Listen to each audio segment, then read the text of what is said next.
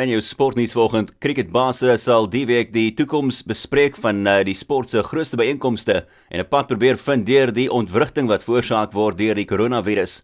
Donderdag se konferensie oproep sal die uitvoerende hoofde van die internasionale cricketraad se 12 lidnasies bymekaar bring, asook die drie assosiasie verteenwoordigers. Die begin van die Engelse seisoen asook die winsgewende Indiese Premier Liga is alreeds uitgestel. En Suid-Afrika se beperkte balbeurte toer na Sri Lanka toe in Junie het die jongste reeks geword om uitgestel te word gister.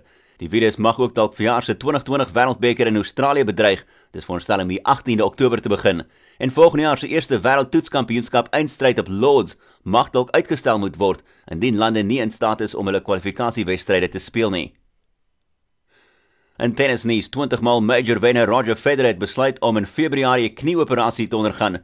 So hy is op die oomblik soos almal anders by die huis besig om aan te sterk na sy operasie en is verder wat vertel het hoe dit met hom gaan en sy familie tydens inperkingstyd. Here at home like everybody else uh you know um in a way it's nice not to travel but knowing that uh there's so much uh tough moments out there uh it makes it uh uncomfortable you know to be in the position that we are in but uh together we're stronger you know so um but everybody's healthy you know uh family um parents, yes, everybody's good.